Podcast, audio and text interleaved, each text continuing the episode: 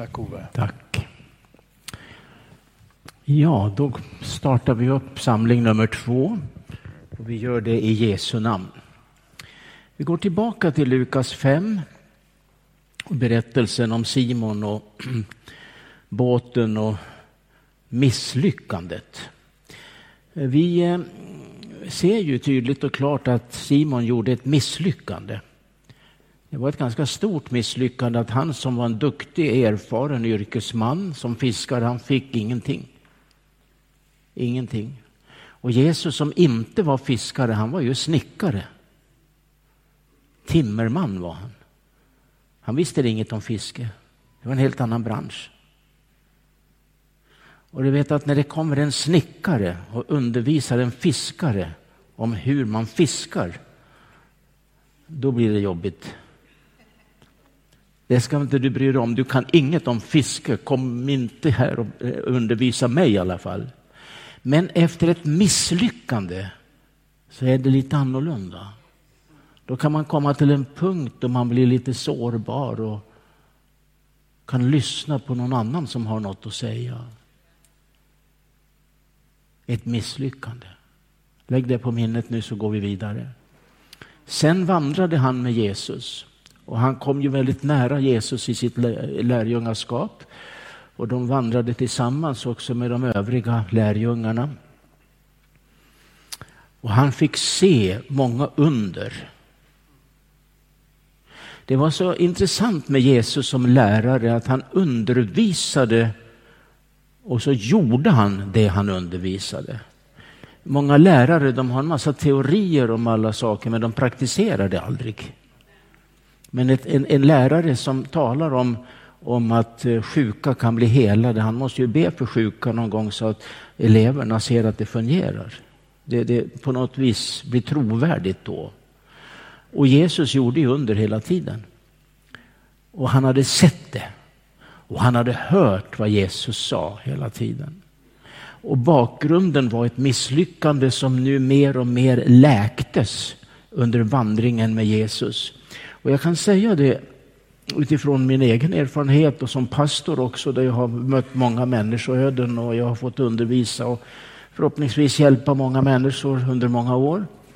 Så en, en människa som kommer gråtande som Simon här, han hade till och med syndanöd och han ropade till Jesus som förbarmande. Så har man, har man haft ett misslyckande och så kommer man och vill ha hjälp och förbön. Och den som vandrar med Jesus nära lever i sitt lärjungaskap med Jesus i en helande atmosfär för varje steg du tar i vandringen med Jesus. Du behöver inte egentligen ha förbön, men det kan du få, det ska vi också ha. Men, men bara själva vandringen med Jesus är helande. Det är läkande för själen och för kroppen och för relationer och för allt annat som kan bli skavsår i livet. Men som vi sträcker oss fram mer än tre år i tiden från den här texten så är vi framme nästan vid Jesu, vid Jesu död på korset. Och då finns ju den misslyckade lärjungen, fiskaren, lärjungen där. Nu har det gått tre år eller lite mer kanske. Det var natt, det var i alla fall sent, det var mörkt så man hade gjort upp en eld mitt i stan. Det var väl för att värma sig tänker jag. Så han går fram och ställer sig där och det är ju lite folk och så är det en tjänstekvinna, kallas hon för. Hon pekar på Simon och säger, men du, du är väl en av dem som följde den där Jesus från Nasaret? Jag känner igen dig. Jag, säger han, jag vet inte vem du pratar om. Jesus från Nasaret, vad är det för en? Jag har aldrig varit ihop med honom och vet inget vad du pratar om. Jag har visst sett dig, du är en av dem. Då hör han tuppen gala precis som han visste att det skulle ske. Tre gånger har förnekat mig. Om misslyckandet med fisket var ett stort misslyckande så var misslyckandet den här sena kvällen ett mycket större misslyckande. Det går inte att jämföra dem en gång. Han som hade sagt Om alla andra sviker dig Jesus och överger dig så lita på mig. Jag kommer aldrig att svika dig. Aldrig. Nu hör han tuppen gala och då går allt framför honom som, en, som på en filmduk. Nu var han drabbad av misslyckande nummer två.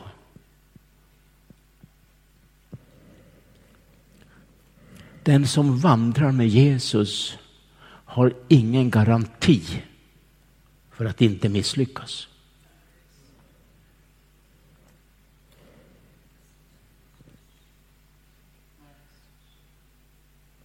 Vi har pastorer i alla tider och även idag. Du har kända pastorer, du kan läsa och läst om dem i tidningarna, i våra kristna tidningar, som har misslyckats. Och deras rörelser går i spill och folk, ja, jag behöver inte säga mer, ni, ni har hört och sett. Du vet att de mest kända pastorerna och evangelisterna och tjänstegåvorna som alla samlas omkring och som har tusentals följare och ekonomi så det räcker till tusenårsriket. Så misslyckas de. Och den största orsaken till misslyckande det är andligt högmod. För det går före fall, det vet vi. Men nu gäller det Simon. Så när Jesus hade dött på korset och uppstått så möts de båda. Det är fantastiskt att Jesus möter en misslyckad lärjunge som till och med har förnekat Jesus. Det där kan du läsa om i Johannes 21. Vi ska inte läsa sammanhanget nu, men gör det gärna när du kommer hem. Älskar du mig, Simon Petrus, mer än de andra? Ja, Herre, du vet att jag har dig kär. Direkt kommer kallelsen. Samma kallelse som kom första gången efter det misslyckandet, för då sa han du ska bli en människofiskare. Och nu säger han på nytt, ta hand om fåren. Först var det fisk och nu var det får, men det var samma ämne att ta hand om människorna, nyfrälsta etc. Och för andra gången, älskar du mig? Ja, du vet att jag har dig kär. Och så kallelsen repeteras. För mina får på bete. Och nu borde det väl räcka, men inte. En tredje gång ställer han frågan. Älskar du mig? Mer än dessa. Då är det som om det brister för Simon Petrus. Orden tar slut. Herre, du vet allt.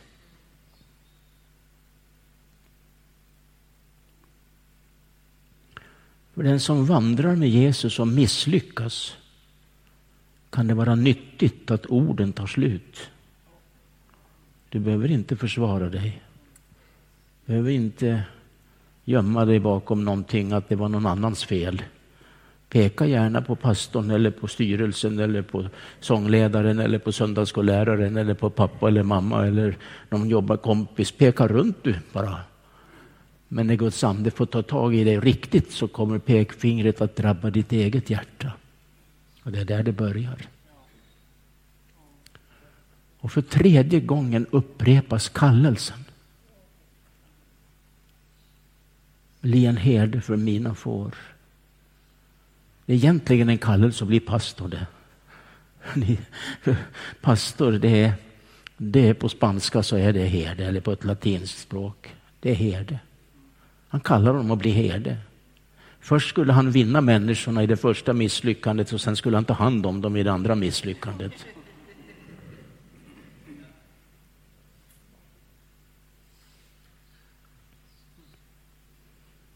Halleluja.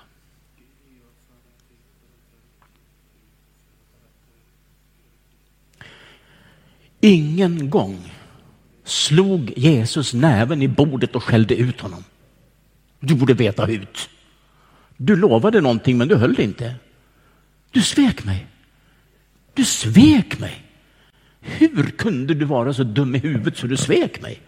Och förnekade mig. Du vet väl att vi har jobbat ihop och varit tillsammans i tre år och jag har undervisat dig varenda dag och så ska du inte du känna mig överhuvudtaget. Det enda Jesus ville veta det var hur Simon hade det med kärleken.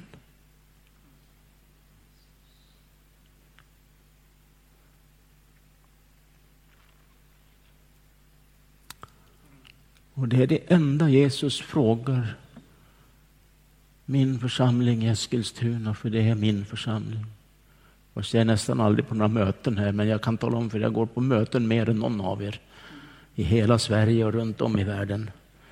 Men jag gläder mig de få gånger jag kan komma hit. Han ställer frågan till min församling i Eskilstuna. Hur har ni det med kärleken?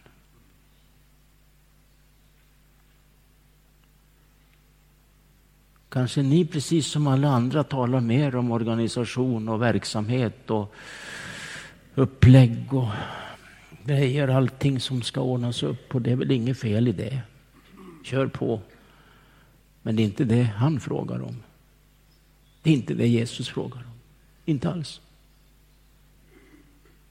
Han frågar om hur ni har det med kärleken till Jesus.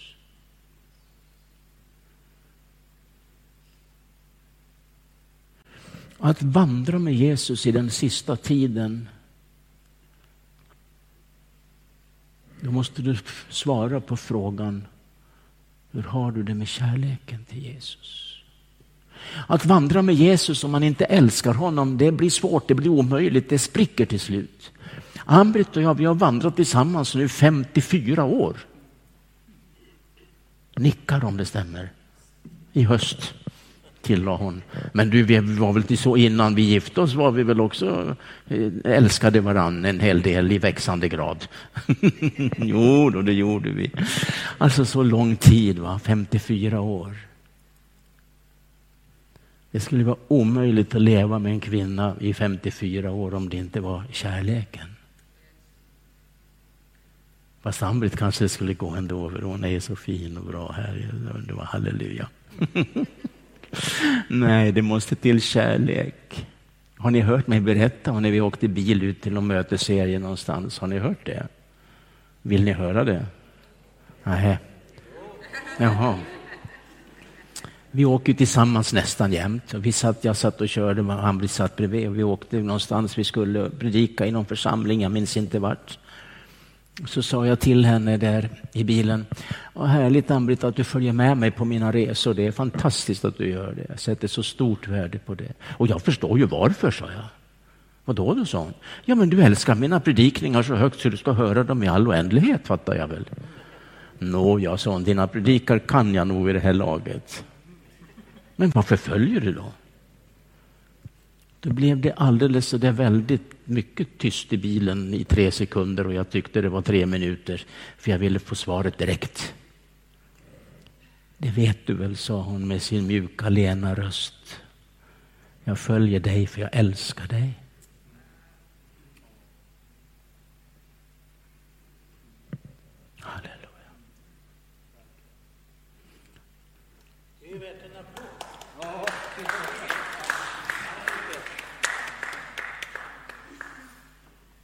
Nu är det Jesus som ställer frågan, inte jag. Varför följer du mig?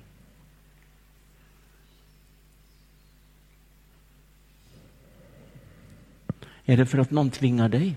Då är det galet. Du kan inte följa Jesus för att någon i din släkt eller någon har makt över dig som tvingar dig.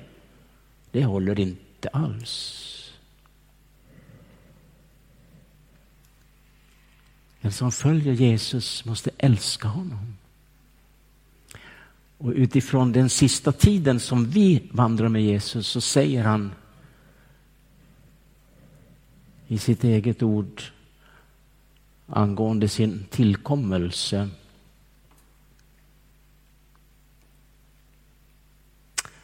Att vi ska älska hans tillkommelse.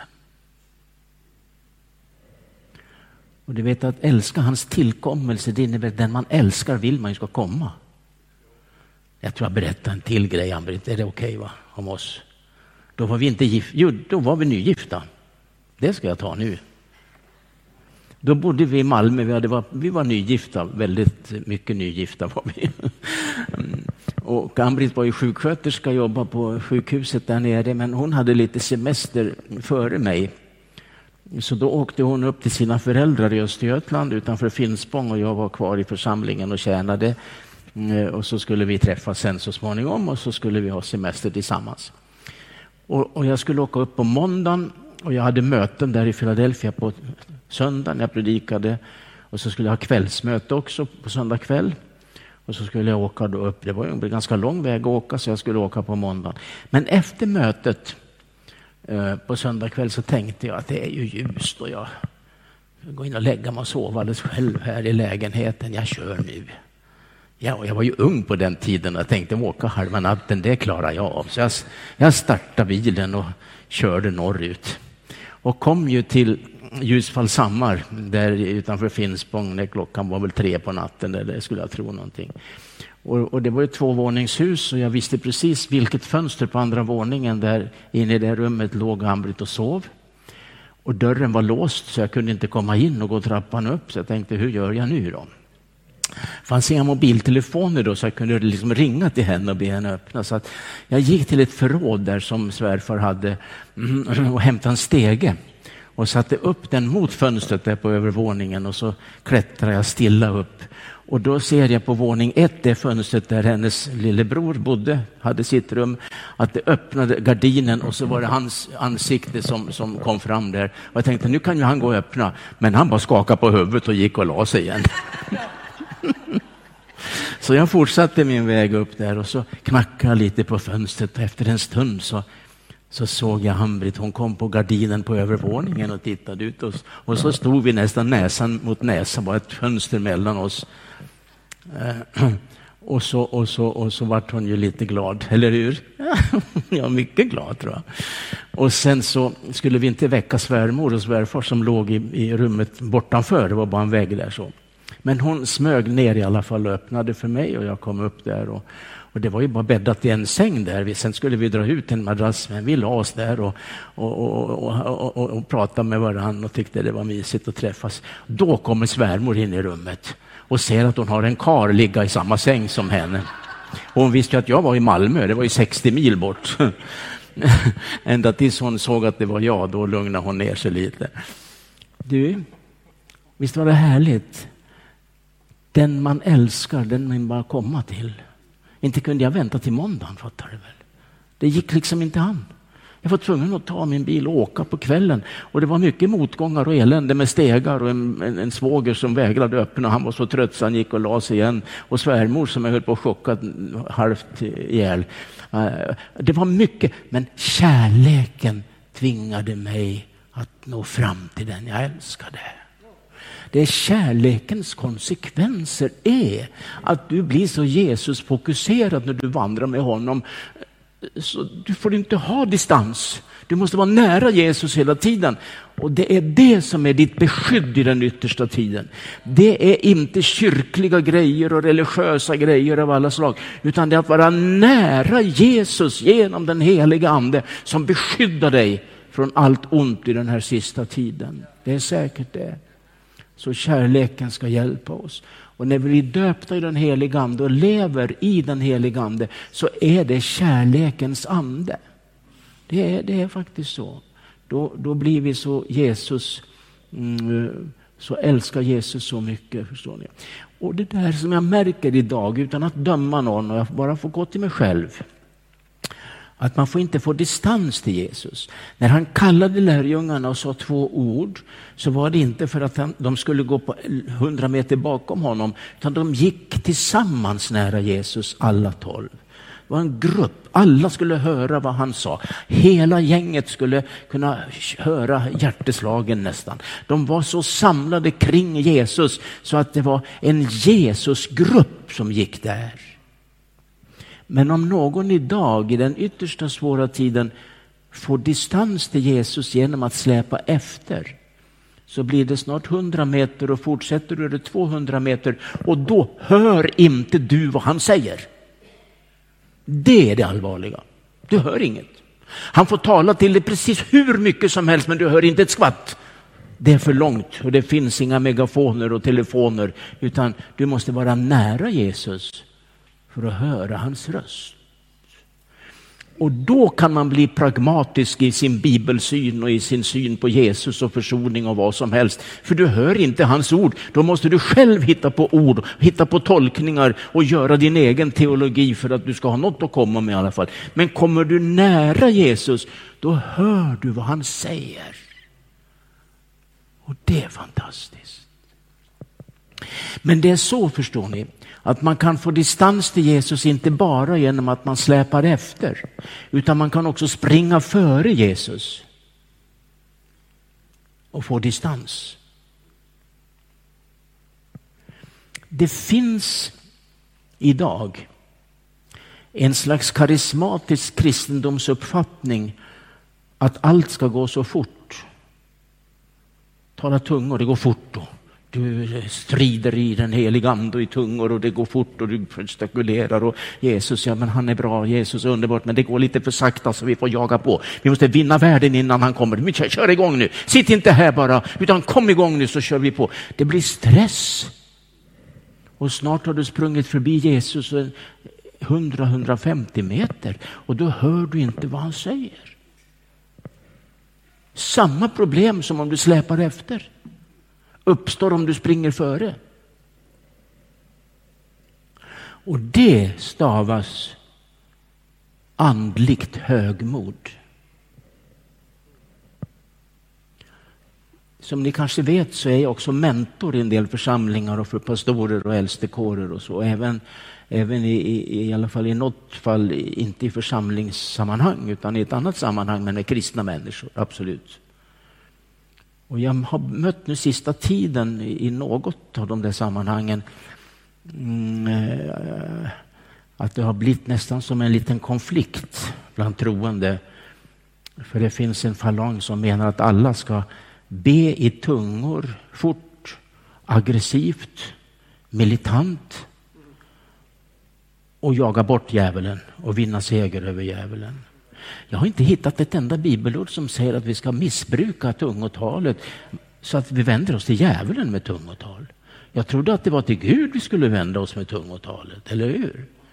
Du vet att man kan, man kan bli salig och ivrig med ting som egentligen inte Bibeln ger godkännande till.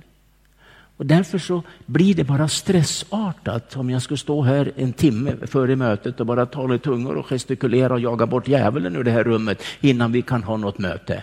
Det kommer jag aldrig att göra. Därför att segern har inte jag vunnit genom tungotal. Segern har Jesus vunnit på Golgata så det är klart. Det är alldeles färdigt för han sa det är fullbordat sa han utan tungotalet, det är två saker, kanske flera, men två saker i alla fall. Det är att jag talar från mitt, min ande till Guds ande, ett språk som Gud kan. Jag kan det inte, för jag talar från mitt innersta, från mitt fördolda. Och ska jag vara riktigt framgångsrik i min bön så talar jag tungor. För då talar jag till Gud det jag verkligen behöver säga. Ska jag tala med förnuftet så väljer jag ut kanske på ett litet felaktigt sätt ibland och inte förstår djupet i, i de där bönämnena. Men tungotalet är optimalt. Halleluja. Och jag tänker inte vända mig till djävulen när jag talar tungomål, det kan ni veta. Det är till Gud jag vänder mig. Och så kan det också vara profetia, men då måste det alltså översättas. Och då blir det ett profetiskt budskap som översätts till de jag talar till, om det är ett enskilt samtal eller om det är en församling. Så det där med stress, förstår ni, det är den som vandrar med Jesus gör det genom Guds frid som övergår allt förstånd. Så det är härligt med Guds frid. Jag kan, jag kan berätta för er hur det kan vara för mig när jag är ute och reser och predikar, men nu överdriver jag väl lite. Men det måste man väl göra, för det har fler pingstpredikanter än jag gjort genom åren. Men man kan överdriva för att få fram ett budskap också. Då kommer jag till en församling, det står Ove Linderskär på affischen och jag har kommit rätt, nu ska jag in här och predika söndag klockan 11. Mm. Och då kommer pastorn och säger, men välkommen broder Ove, vi har bett att du ska ha ett smort budskap och det blir så härligt att få lyssna till det. Du är väl förberedd nu och det kommer att bli bra det här. Vi går in på kontoret bara så ska du få se på mötesprogrammet och så kan vi be lite innan också. Och här har vi mötesprogrammet och så ska vi gå igenom det. Och sen vi börjar med en unisonsång. Och det tycker inte jag är så konstigt för det gör man i alla församlingar så det behöver han inte ens berätta för mig. Va? Och sen har vi en missionär som har kommit hem från Afrika nu. Han ska inleda. Han läser ett bibelord. Ett problem med den missionären är att han predikar lite då också. Ibland kan det bli lite långdraget. Så att nu hoppas jag han är lite disciplinerad när vi har predikobesök. Ja. Och då tänker jag, det hoppas jag också, men det säger jag inte i alla fall. Och, och, sen har ju kören övat sex sånger nu, för nu blir det lite extra när du är här och vi har mycket folk och det är lite gemensamt med andra kyrkor. Och så nu ska, måste de få sjunga, för annars blir sångledaren lite ledsen. Så de tog två där. Och sen, sen har vi barnvälsignelse.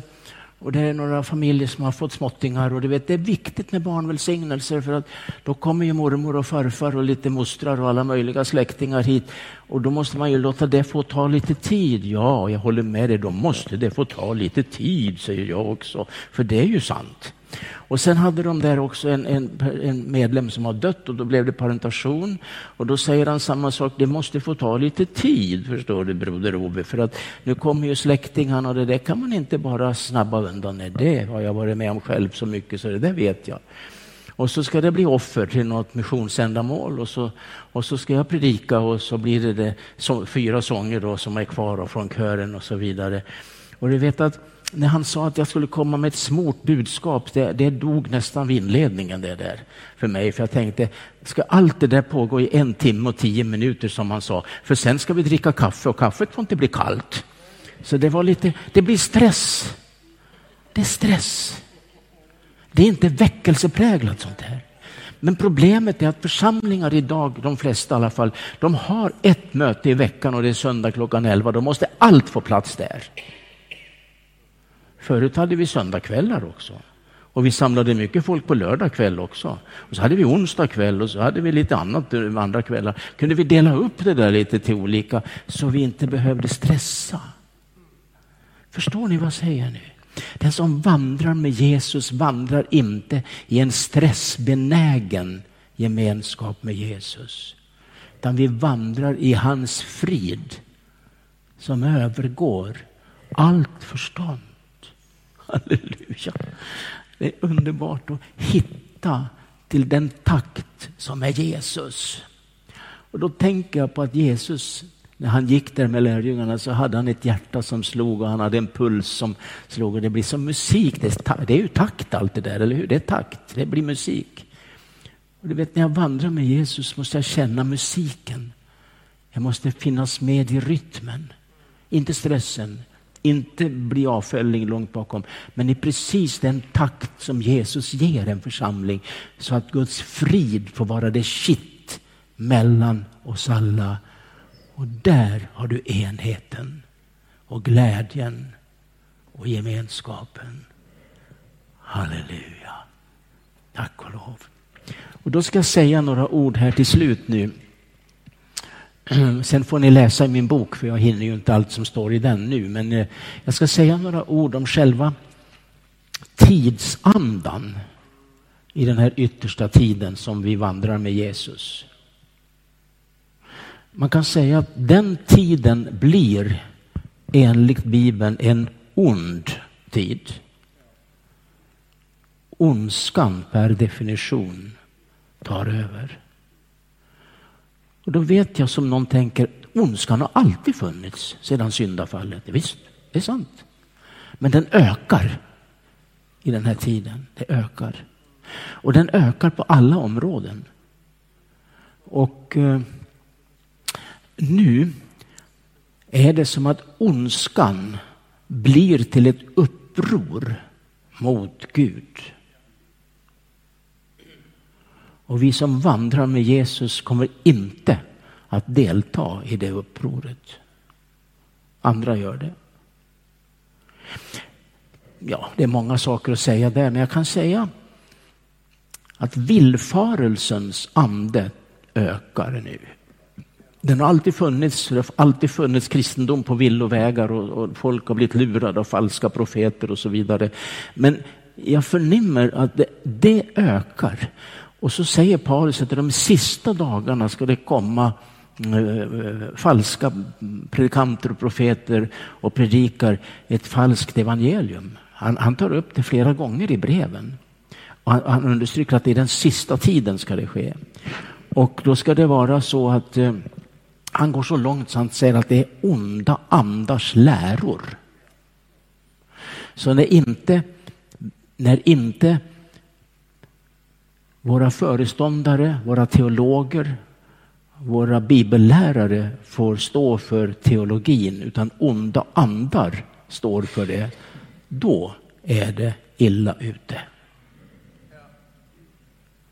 Då är det illa ute. Och med dem, nu talar jag inte av egen erfarenhet, för när jag gick på Örebro Missionsskola när jag var ung, då var det, då var det jag hade kunnat varit i vilken pingskola som helst. Där föll den helige ande och vi hade bönedagar och det var härligt. Kände mig hemma där. Men det påstås nu att våra teologiska högskolor där pastorer utbildas, att man använder samma litteratur som man gör i alla teologiska utbildningar. Och många har, eh, har eh, reagerat mot det där. Jag träffade en blivande pastor för ett tag sedan som sa till mig att jag, jag gick på en sån där skola men jag lämnade efter, om det var tre månader, jag vägrade vara kvar. För den villfarelsen som jag mötte där, den vill jag inte utsätta mig för. Det är så att den smyger in. Och till och med om man kan få unga pastorer in i ett sådant tänkande om en sån litteratur som är en teologi bort ifrån den sanna troheten till Guds ord, då har djävulen lyckats. För de ska ju vara pastorer så småningom och leda församlingarna. Jag fick från en, en man som jag har mött i ett visst sammanhang där jag är som jag sa mentor. Han är inte pingstvän men han är en varm troende fin man ifrån en plats i Sverige. Och han tog kontakt med mig och sa du jag var i kyrkan i söndags som min pastor predikade så galet så jag måste ha lite tröst och lite vägledning. Jag har beställt hans predikan för det kunde medlemmarna göra så hela predikan kom utskriven. Får jag skicka den till dig? Ja, och jag läste den. Och jag blev lite chockad faktiskt. Jag ska bara säga avslutningen av predikan var så här. Pastor Levi Petrus gav oss sången Löftena kunna i svika, nej det står evigt kvar. Men det håller jag inte med honom om. Man kan inte lita på bibliska löften. Du kan lita på en god vän, men inte på bibliska löften. Och du kan naturligtvis lita på Gud, men inte på bibliska löften. Och sen stod det lite mer att om du kommer i ett läge då ditt liv, eh, du blir knockad eller du får bekymmer, han hade ett ord som jag glömt där och det blir kris alltså. Då, då kan du gå till en god vän och få hjälp och vägledning, men inte till Bibeln. När en församlingsföreståndare i en svensk frikyrkoförsamling predikar så, då förstår jag att profetiorna börjar gå i fullbordan. Att i den sista tiden blir det villfarelse. Eller hur? Och man kan säga så, om man säger så, att vi kan inte lita på Bibeln, men Gud kan vi lita på. För att då är det inte Bibelns Gud nödvändigtvis. Då har du hur många gudar som helst att välja på. Välj vem du vill, det finns gudar i villfarelsen och religionen och du kan hitta på egna gudar. Så stå på bara och välj vad du vill. Men Bibelns Gud blir marginaliserad. Det är som att jag skulle bara vilja ställa mig och gråta här inför er allihop och säga nu är vi djupare in i profetiorna än vad de flesta vet eller vågar tro på. För nu går det fort kan jag säga med pragmatismen och förnekelsen av de mest grundläggande sanningarna i bibelordet. Och ytterst få reagerar. Ytterst få. Och det kan bero på ett annat tecken som Jesus gav oss som ska gälla nu när vi vandrar med Jesus i sista tiden, nämligen sömnaktighetens ande. Han säger det om de tio jungfrurna, alla somnade.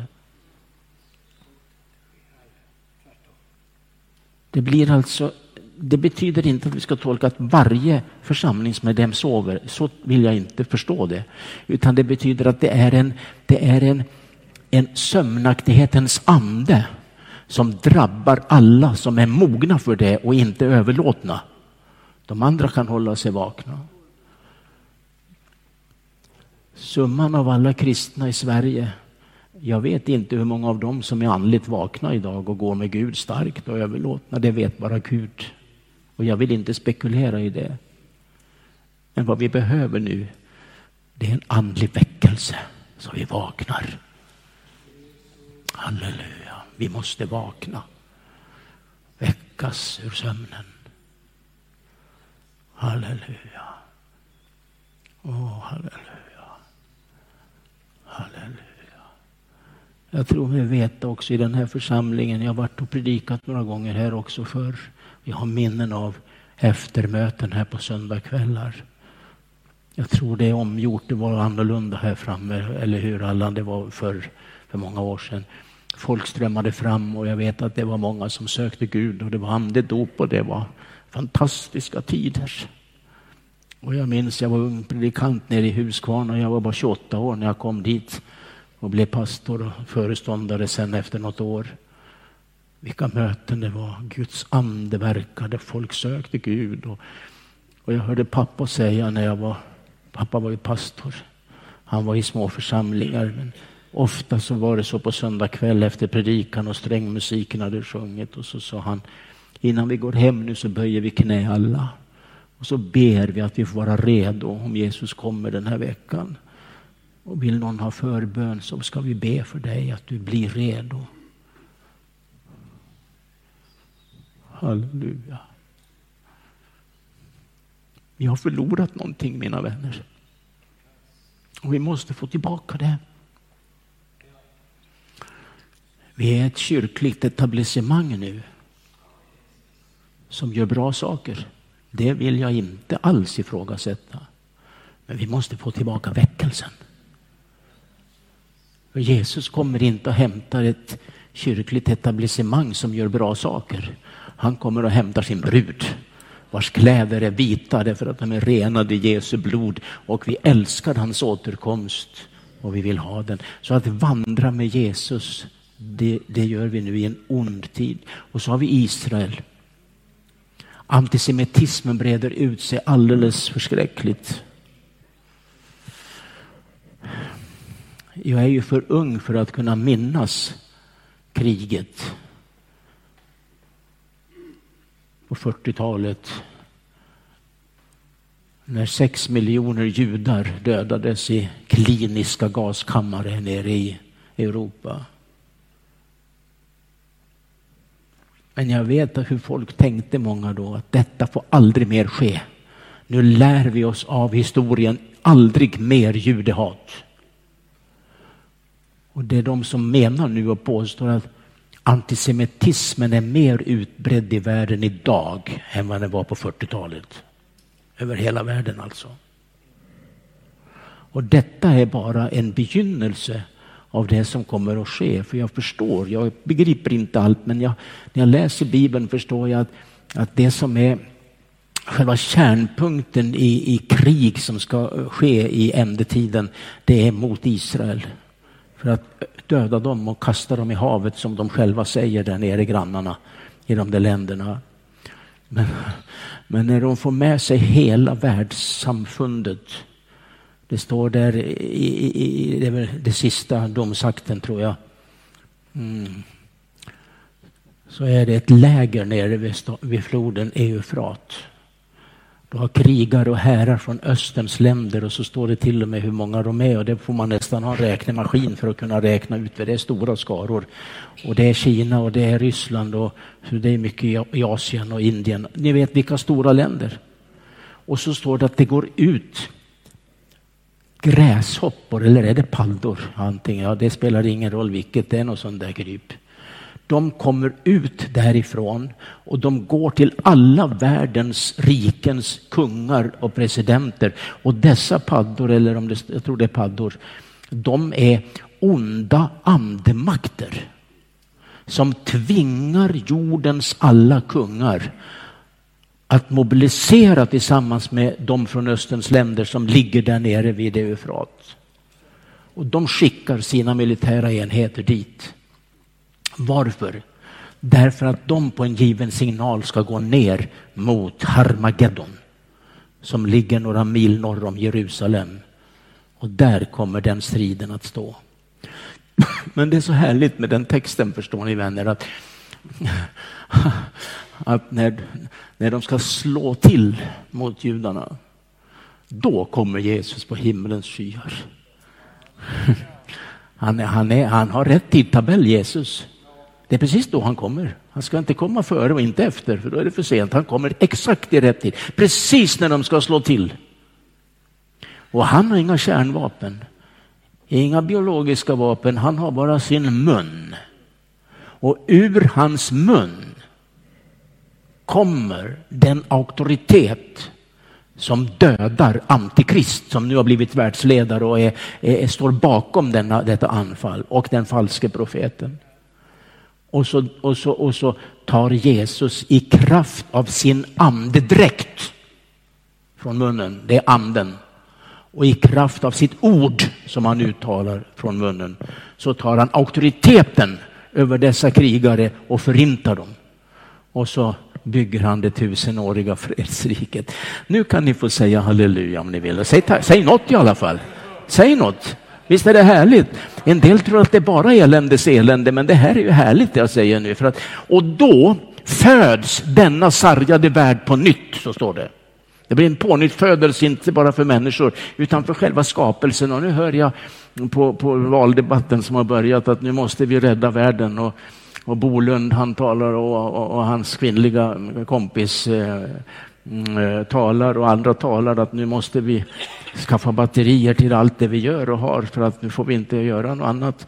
Mm, och det är bra, fortsätt, hoppas de lyckas. Men jag, har, jag, jag vet hur det kommer att gå. Ja. Det löser sig när Jesus kommer tillbaka. Men jag säger inte att du ska sluta rösta och eh, kör, kör cykel med batteri på eller vad du vill. Det bryr inte jag mig om. Men, men du ska veta en sak, att den som vandrar med Jesus vet att det blir bättre tider. För då kommer Jesus och han, han besegrar ondskan som gäller också skapelsen. Du vet att skapelsen, träden och blommorna och alltihop det där, det kommer Jesus att ta hand om så det blir en massa skörd tolv gånger om året. Och en bonde nere i Småland, när han hörde predikanten sa oj, det blir jobbigt tolv gånger, jag har fullt upp med en skörd, sa han. Så det kunde bli lite muntert också. Men hörni vänner, vi är på den sida som är segersidan, eller hur? Därför att, och nu, nu måste vi vandra nära Jesus så vi inte sviker honom. Vi får inte ha en massa misslyckanden i vår Jesusrelation nu. Måste vi vara nära Jesus så att vi blir segervinnare i den här sista tiden. Där säger vi amen och så fortsätter predikan imorgon klockan 11.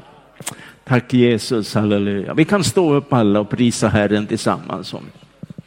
Om du vill ha handpåläggning så lägg din egen hand på ditt hjärta. Det duger gott med din hand. Du ska träna dig, för den ska du lägga på sjuka snart och du ska komma i stark tjänst. Du. Så pröva lite nu med dig själv och så ber du om det ditt hjärta ropar efter. Vandra med Jesus i den sista tiden som är en ond tid på alla sätt och vis. Och ingen ska tro att man blir bevarad av egen kraft. Nu är det bara Jesus som kan bevara dig i den här tiden genom sitt ljus och sin ande. Och jag ber för församlingen här som jag får tillhöra och vara en del av. Gud, låt det bli en väckelseförsamling. Väck oss alla medlemmar här. Väck oss Jesus. Väck oss att vandra lite närmare dig, lite djupare, lite mera helhjärtat.